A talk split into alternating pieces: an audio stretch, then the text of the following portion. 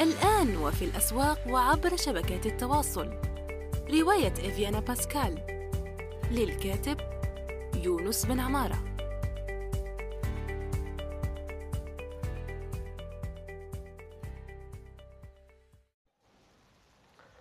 السلام عليكم ورحمة الله وبركاته. في حلقة جديدة من يونس توك. في هذه الحلقة سنجيب عن سؤال أتاني عبر صراحة. صراحة الذي أدخل بعض التحديثات الجديدة نشكرهم على هذه التطويرات. وكما هو ملاحظ أي شركة لا تتطور لا تقدم تحديثات جديدة لا تحسن من خدماتها بشكل دوري وهذا الكلام موجه للشركات التقنية العربية فإنها ستموت في نهاية المطاف وموضوعنا عن موت المهن. والشركات كما يحكي السؤال. السؤال يبدو أن المرسل واثق من نفسه جدا. يقول سؤال مميز مميز مميز ثلاث مرات وسأسعدك الإجابة عليه. هو في الحقيقة مميز وأكيد أني سأعجب بالسؤال لأنه يحكي عن موضوع تكلمت فيه في عدة مقالات من قبل وترجمت فيه الكثير وهو هل سيكون مجال الترجمة مجالا مطلوبا للسنوات القادمة؟ وهل سيعاني مثل المجالات الأخرى التي تتدهور شيئا فشيئا مع التطور التجاري؟ ويقول في الأخير متشوق للحلقة القادمة واصل. شكرا لك. المقطع الأول هو هل سيكون مجال الترجمة مجالا مطلوبا للسنوات القادمة؟ بالنظر إلى الوضع الحالي عندما نقول الوضع الحالي الناس كامل تذهب إلى التدهور وال... هي في الحقيقة العكس. الذي يعمل والذي يدخل في المجال سوف يرى أن هناك دوما طلب أكثر نشاط أكثر عدد داخلين المجال أكثر عدد شركات أكثر. والترجمة مجال واسع يعني فيه التوطين وفيه الترجمة القانونية والطبية والأدبية وغير ذلك.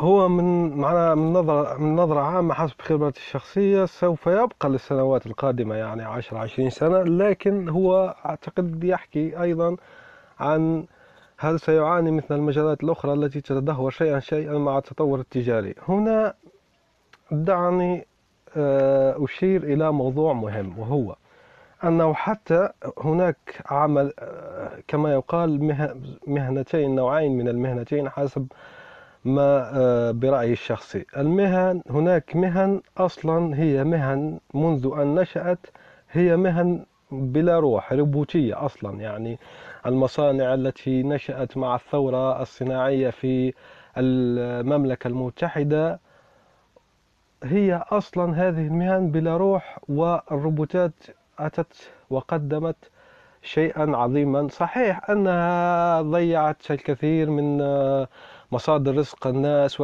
لكن هي أصلا الروايات والمفكرين نعوا عن هذه المجال وأن المادية صعبة وكذا. وكارل ماركس أصلا جاء لأن الناس تحولت إلى معناها من بين أن الأسباب هي أن الناس تحولت أصلا إلى روبوتات عديمة الإحساس في العصر الذي برز فيه. إذا المهن التي لا روح فيها لا مشكلة أن تتحول إلى الأتمتة والمكننة والاستبدال البشر وهي كلمة أصلا استبدال مبالغ فيها نوعا ما. استبدال البشر بالروبوتات. لكن هناك مهن أخرى وهي المهن الإبداعية. يعني المهن الإبداعية مثلا الرياضة الرياضة حتى لو طورنا وهناك أصلا روبوتات متطورة تنجز لأن الرياضة ليس هدفها هي مع يعني أن تصنع جهاز الرياضة. نعطي مثال الرياضيين الذين يحملون الأثقال.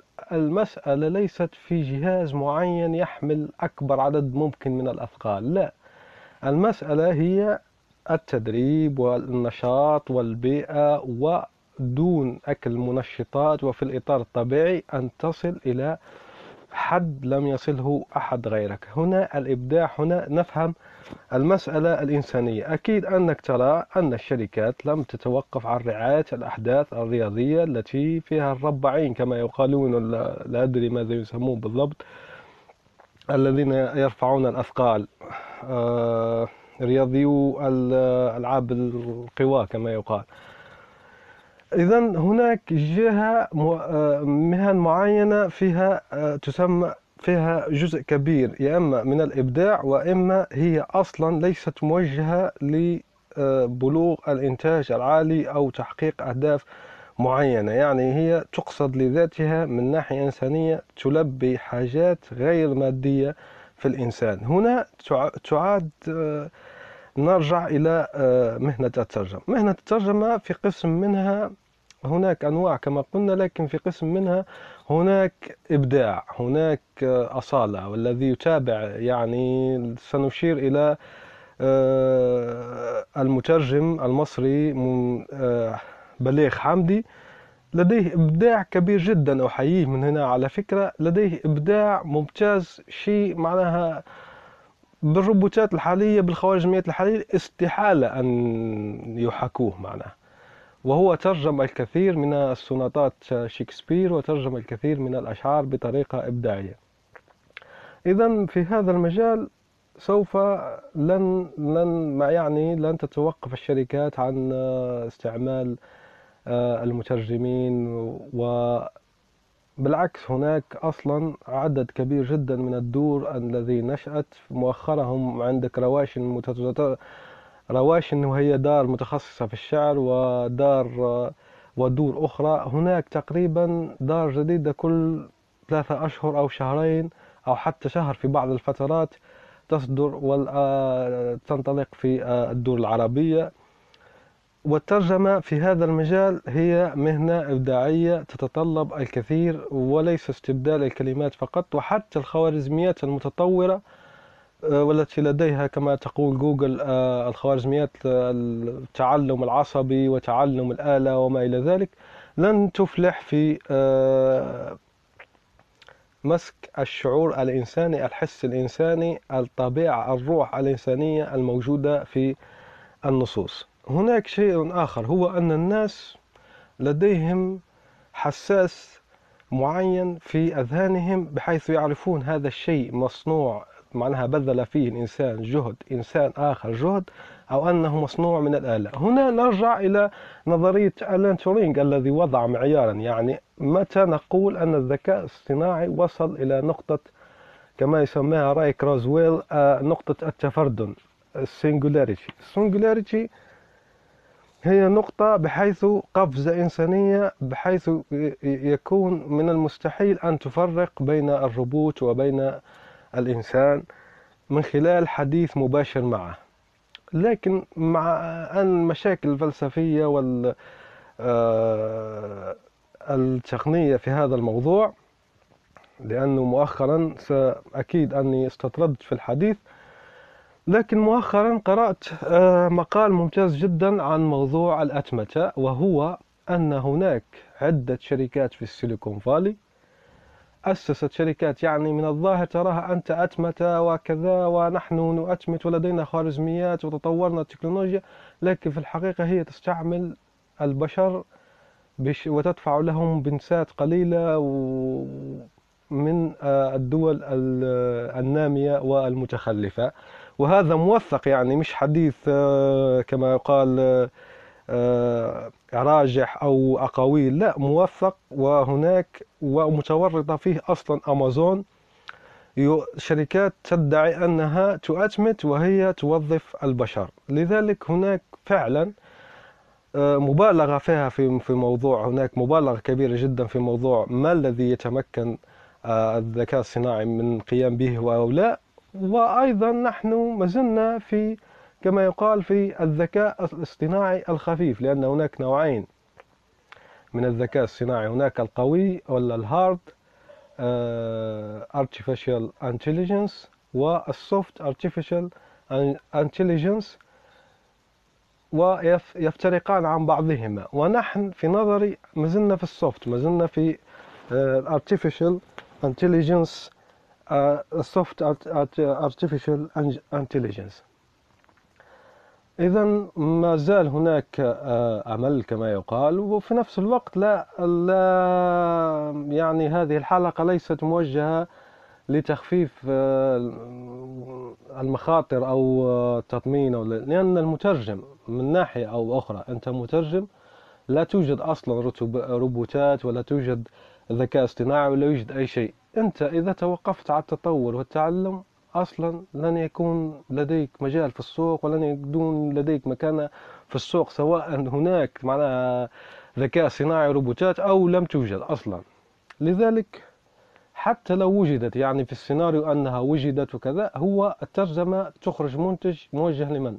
موجه للبشر لازم البشر معناها المترجم ينتقل من العامل يهنوه من التعب والقلق تاع الترجمة هذاك وكذا وينتقل إلى التقييم لأن لأن المنتج الخاص بالترجمة هو هو منتج موجه للناس يعني. وقبل أن يوجه للناس لازم لازم واحد يراجع ولازم واحد يشوف مقدار القابلية وكذا. وإذا انتقدت تقول لي حتى نديروا روبوتات مثلا تراجع وتدير المقروئية منس- مستوى المقروئية وما إلى ذلك. كذا لا هذا لن يصلح لأن لأن قبل الإنسان يقعد فيه عندها التشكك وعندها التوسوس وعندها كذا لأن كما معروف هناك عدة معناها مشاكل وقع فيها جوجل عندما ترجم وهذه حديثة 2018 يعني مش قديمة وكذا. وبعد تطبيق الشبكات العصبونية المتطورة في الترجمة اللي تتفاخر بها جوجل وكذا وكذا.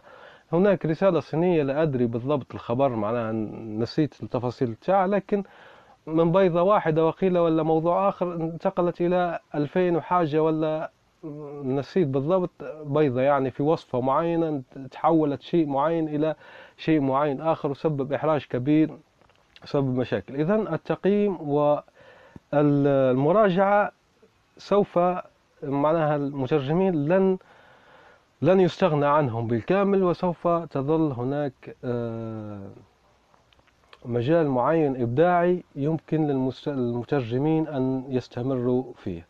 موضوع آخر هو هناك حجرات عثرة كبيرة جدا في موضوع في موضوعين في الترجمة وهي موضوع الترجمات الدينية لأنها تحتاج تحتاج مسألة عميقة جدا من الثقافة والترجمة الأدبية المستوى المرتفع. يعني مثلا أنا عندما يعطوني سؤال يقول لي وقتها ولا متى الذكاء الصناعي تؤمن به أن أصبح خلاص ترجمة بمستوى البشر و أو أو فاق البشر أصلا. ترجمة الروبوتية فاقت البشر مثلا. متى متى تقول ذلك؟ المعيار عندي هو ترجمة رواية عليس لجيمس شويس. إذا تمكن ذكاء صناعي من ترجمة هذه الرواية عليس لجيمس شويس من اللغة الإنجليزية إلى اللغة أي لغة أخرى اختار أي لغة إن شاء الله حتى سبرنت ولا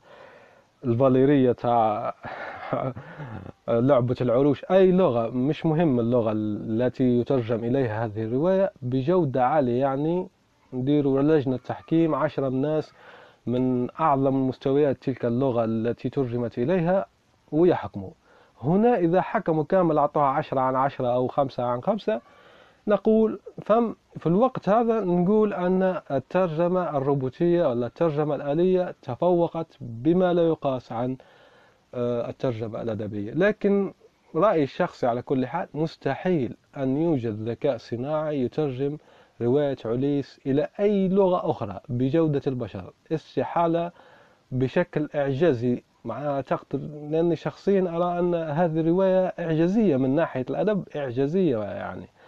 تتطلب إنسان وبشر ويا ربي بيترجمها بشكل يقارب معناها يقارب إلى آه، لا بأس به والمقبول. أما ال- الذكاء الصناعي فهيهات هيهات.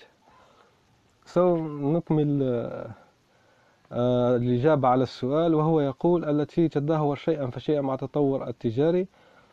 إذا شرحت هذا ال- الموضوع. هو حقيقة موضوع طويل جدا ويتطلب شرح كبير جدا في آه، لكي ألم بالتفاصيل والمجالات الخاصة به. أرجو أن أكون قد أفدتكم في هذه الحلقة.